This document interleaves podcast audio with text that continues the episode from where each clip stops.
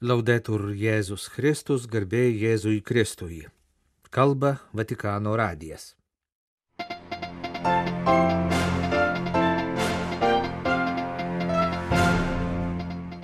Trečiadienį prasideda gavėne.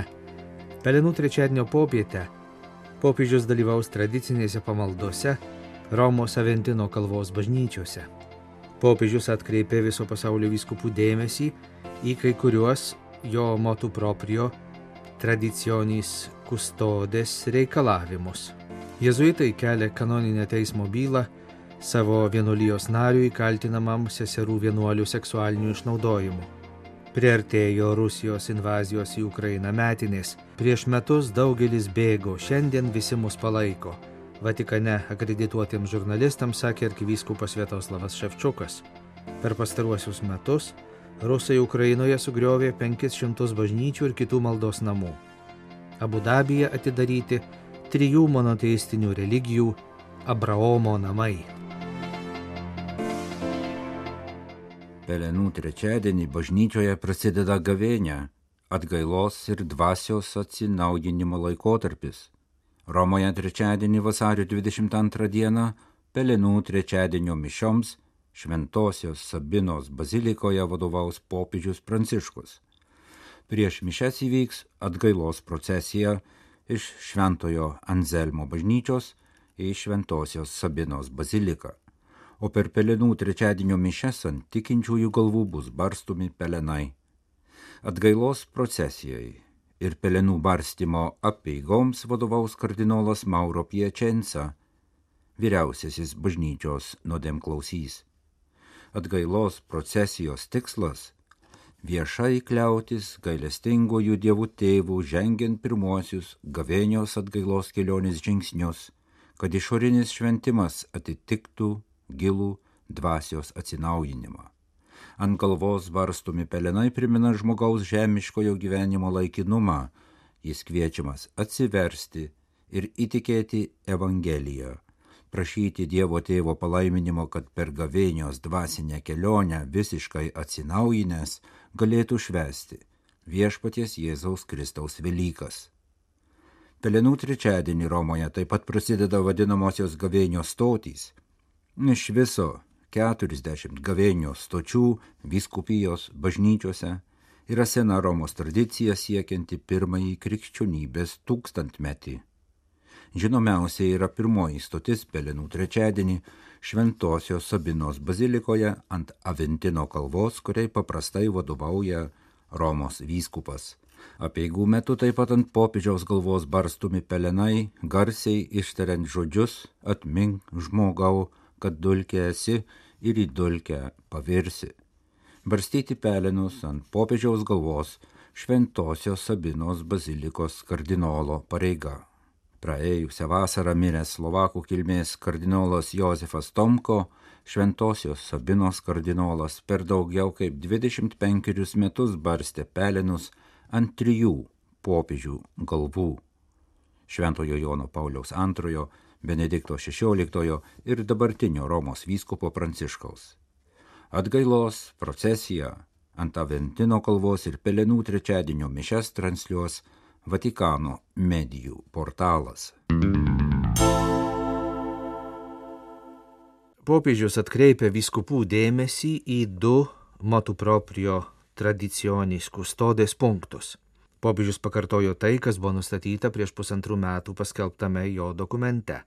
Tai yra, kad tik su šventojo sosto sutikimu vyskupas gali leisti naudoti parapijų bažnyčias grupėms, švenčiančioms Eucharistiją pagal senąjį mišiolą.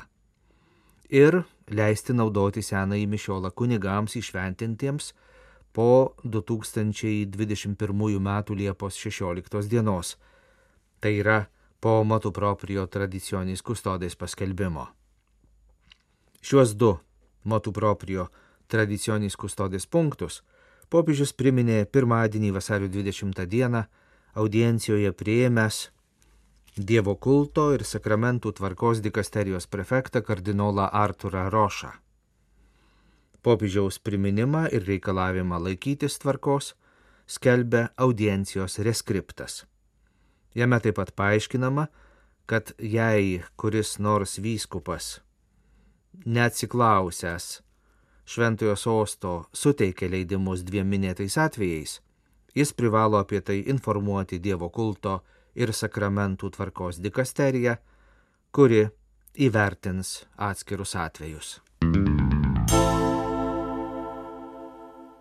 Jėzaus draugija paskelbė informaciją apie tyrimą, kuris buvo atliktas psichologiniu ir seksualiniu seserų vienuolių išnaudojimu kaltinamo jėzuito Marko Ivano Rupniko, žinomo menininko ir pamokslininko atžvilgiu. Tyrimui vadovavęs tėvas Johanas Veršūrenas, Jėzaus draugijos generalinio vyresniojo delegatas, atsakingas už Romoje esančius jėzuitų tarptautinius namus, vasario 21 dieną paskelbtame pareiškime rašo, kad skundai prieš Marką Rupniką apima daugiau nei 30 metų laikotarpį. Išklausyti liūdėjimai apie kaltinamo kunigo nusikaltimus laikytini patikimais. Pareiškime paaiškinama, kad veiksmų, kuriais kunigas kaltinamas, pobūdis nesuteikia pagrindo kelti baudžiamosios bylos Italijos teisme, tačiau jie yra labai rimti kanonų teisės požiūriu ir yra susiję su jo kaip vienuolio ir kunigo gyvenimu ir atsakomybė. Dėl to nuspręsta pradėti bylą Jėzaus draugijos viduje. Taip pat nuspręsta sugriežtinti kaltinamam kunigui taikomus veiklos apribojimus. Jam uždrausta bet kokia vieša meninė veikla, ypač kurti darbus bažnyčiose ir bažnytinėse institucijose. Draudžiama vykdyti sielovadą ir teikti sakramentus draudžiama skelbti žinias per socialinės komunikacijos priemonės. Taip pat draudžiama išvykti iš Italijos Lacijaus regiono, kurio centras yra Romos miestas. Jėzaus draugija, tvirtinama pareiškime, yra pasiryžusi siekti tiesos ir teisingumo.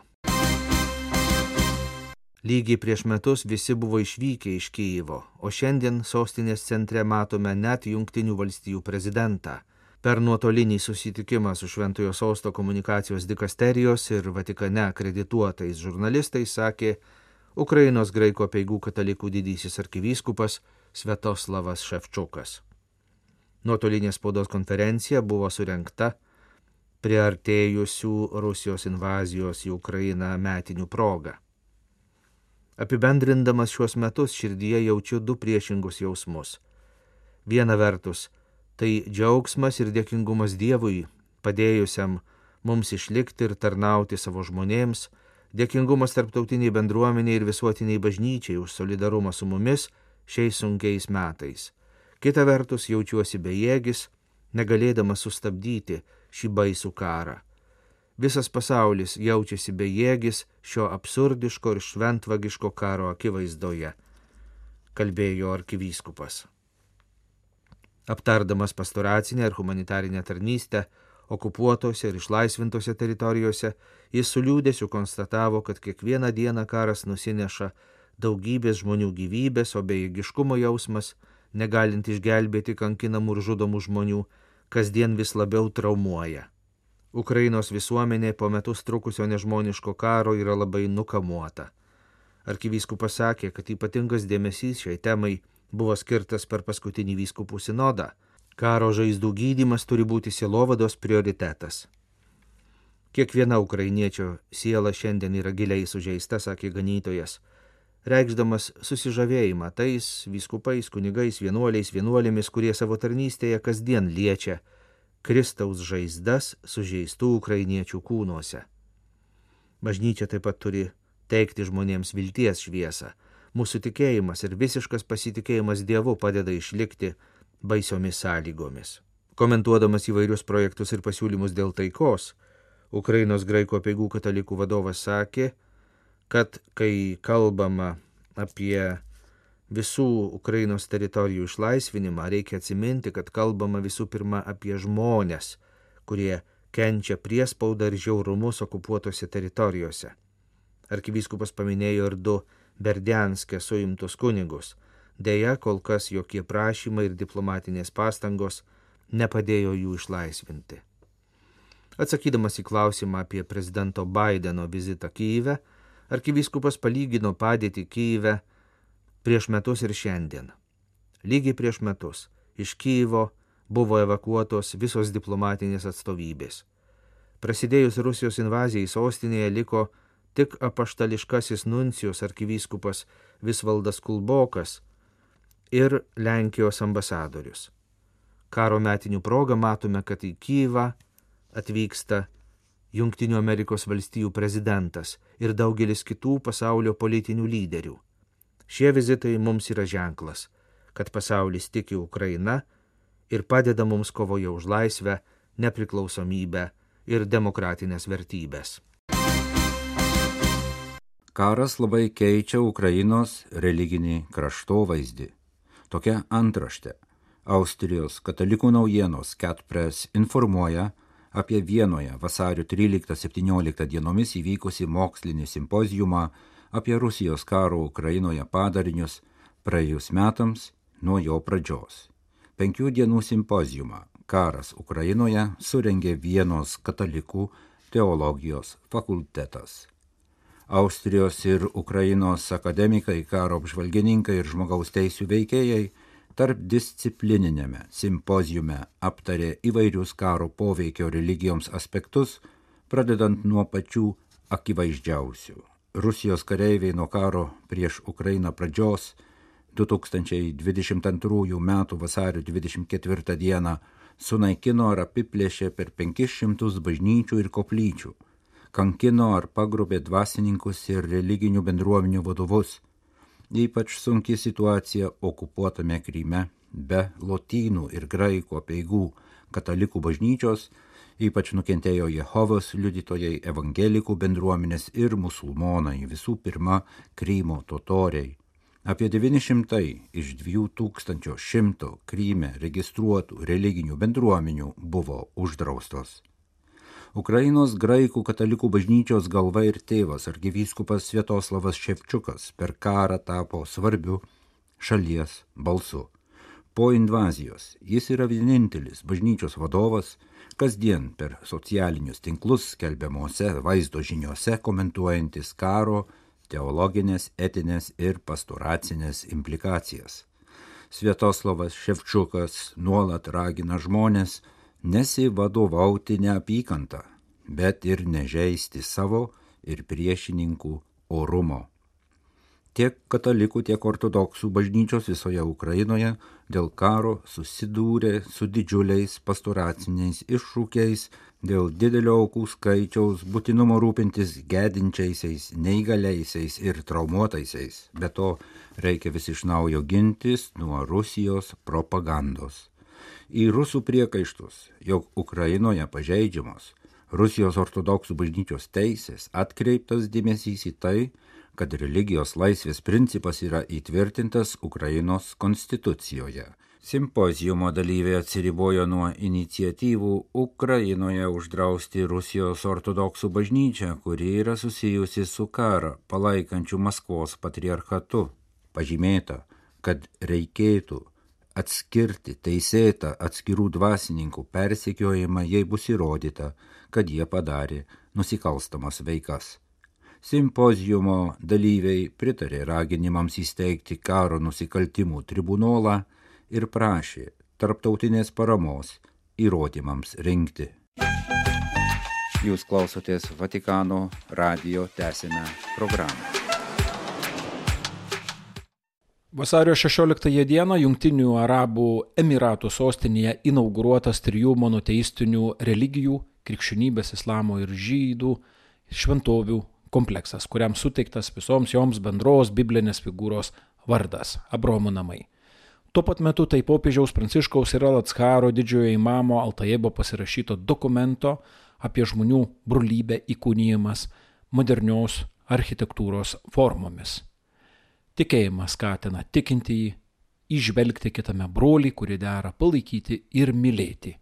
Byloja pirmoji 2019 vasario 4 būtent Abu Dabija pasirašyto dokumento eilutė. Junktinių Arabų Emiratų valdžia, norėdama pabrėžti didelę dokumento vertę religijų ir kultūrų dialogui, tapusių ir vasario 4-ąją minimos Junktinių tautų organizacijos tarptautinės žmonių brolybės dienos pagrindų, užsibrėžė pastatyti Abromo namus. Architektūrinį konkursą laimėjo pasaulyje žinomo architekto Davido Adjaje studija. Pagal jo sumanimą dideliame sode pastatyti trys kubo formos pastatai - mečetė, sinagoga ir bažnyčia. Išorėje ir viduje pasižymintis moderniosios architektūros linijomis, o ketvirtoji komplekso erdvė tarnaus kaip bendra ekspozicijų ir renginių vieta. Visai šalia Bromo namų dar du akį traukiantis objektai - modernusis Abu Dabio Luvras susijęs su Paryžiaus Luvro muziejumi ir dar statomas Abu Dabio Guggenheimo muziejus susijęs su to paties vardo muziejumi New York'e. Pasak architekto, šviesiomis ir vertikaliomis linijomis jis norėjo pertikti religijų išminti ir grinumą. Trys monumentalūs statiniai yra vienodos kubo formos. Tuo norėta pabrėžti monoteistinių religijų bendrumą. Visos dalyjasi Abromo paveldų, turi bendrų nuostatų ir vertybių. Nėra vieno išsiskiriančio bei kitus užgožiančio pastato, bet ir jų pastatų harmonija viename sode. Tuo norėta įkūnyti žmonių brolybės, laisvės, atvirumo, tolerancijos ir kaiminystės viename Dievo pasaulyje idėja. Pabrėžta popiežiaus ir didžiojo įmamo dokumente priešinga minčiai, jog religinės bendruomenės pasmerktos neapkesti ir kovoti viena su kita. Kita vertus, kiekvieno statinio bažnyčios, mečetės ir sinagogos linijų struktūra ir harmonija yra skirtingos, pabrėžiančios jų savitumą.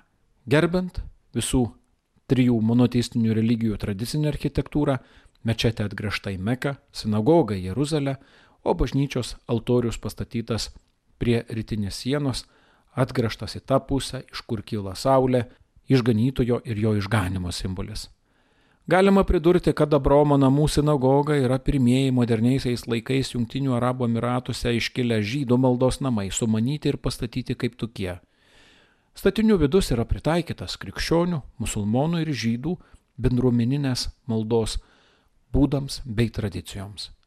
Mečetė sutiktas vieno iš dokumento apie žmogiškąją brolybę signataro imamo Altajebo vardas - bažnyčiai - Šventojo Pranciškaus. Visų žmonių brolių norėjusių būti Šventojo iš Asyžiaus vardas, primenančiu ir jo vardą, bei kartu įsipareigojimą dėl žmonių brolybės ir taikos prisėmusi popiežių Pranciškų. Sinagoga dedikuota Mošiai Ben Maimonui, garsiam viduramžių žydų mąstytojui, islamo ir senovės graikų minties žinovui Per jo darbus Aristotelis pasiekė šventąjį Tomą Kvinietį ir kitus to laikotarpio mąstytojus, palikusius ryškius pėdsakus krikščioniškosios Europos kultūroje. Pranešama, kad nuo kovo pirmosios dienos Abromo namų kompleksas atvers duris plačiai publikai. Tarp jo veiklos koordinatorių ir aukštasis žmonių brolybės komitetas, sudarytas iš trijų monoteistinių religijų atstovų, tarp kurių už tarp religinį dialogą atsakingas kardinolas Miguelis Ajuzo Gišotas, Egiptų koptų katalikų kunigas Joannis Laksi Gaidas, buvęs popiežiaus Pranciškaus asmeninis sekretorius.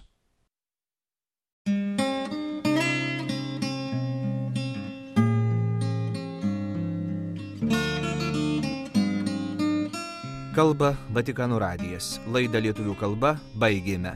Garbėjai Jėzui Kristui, laudetur Jėzus Kristus.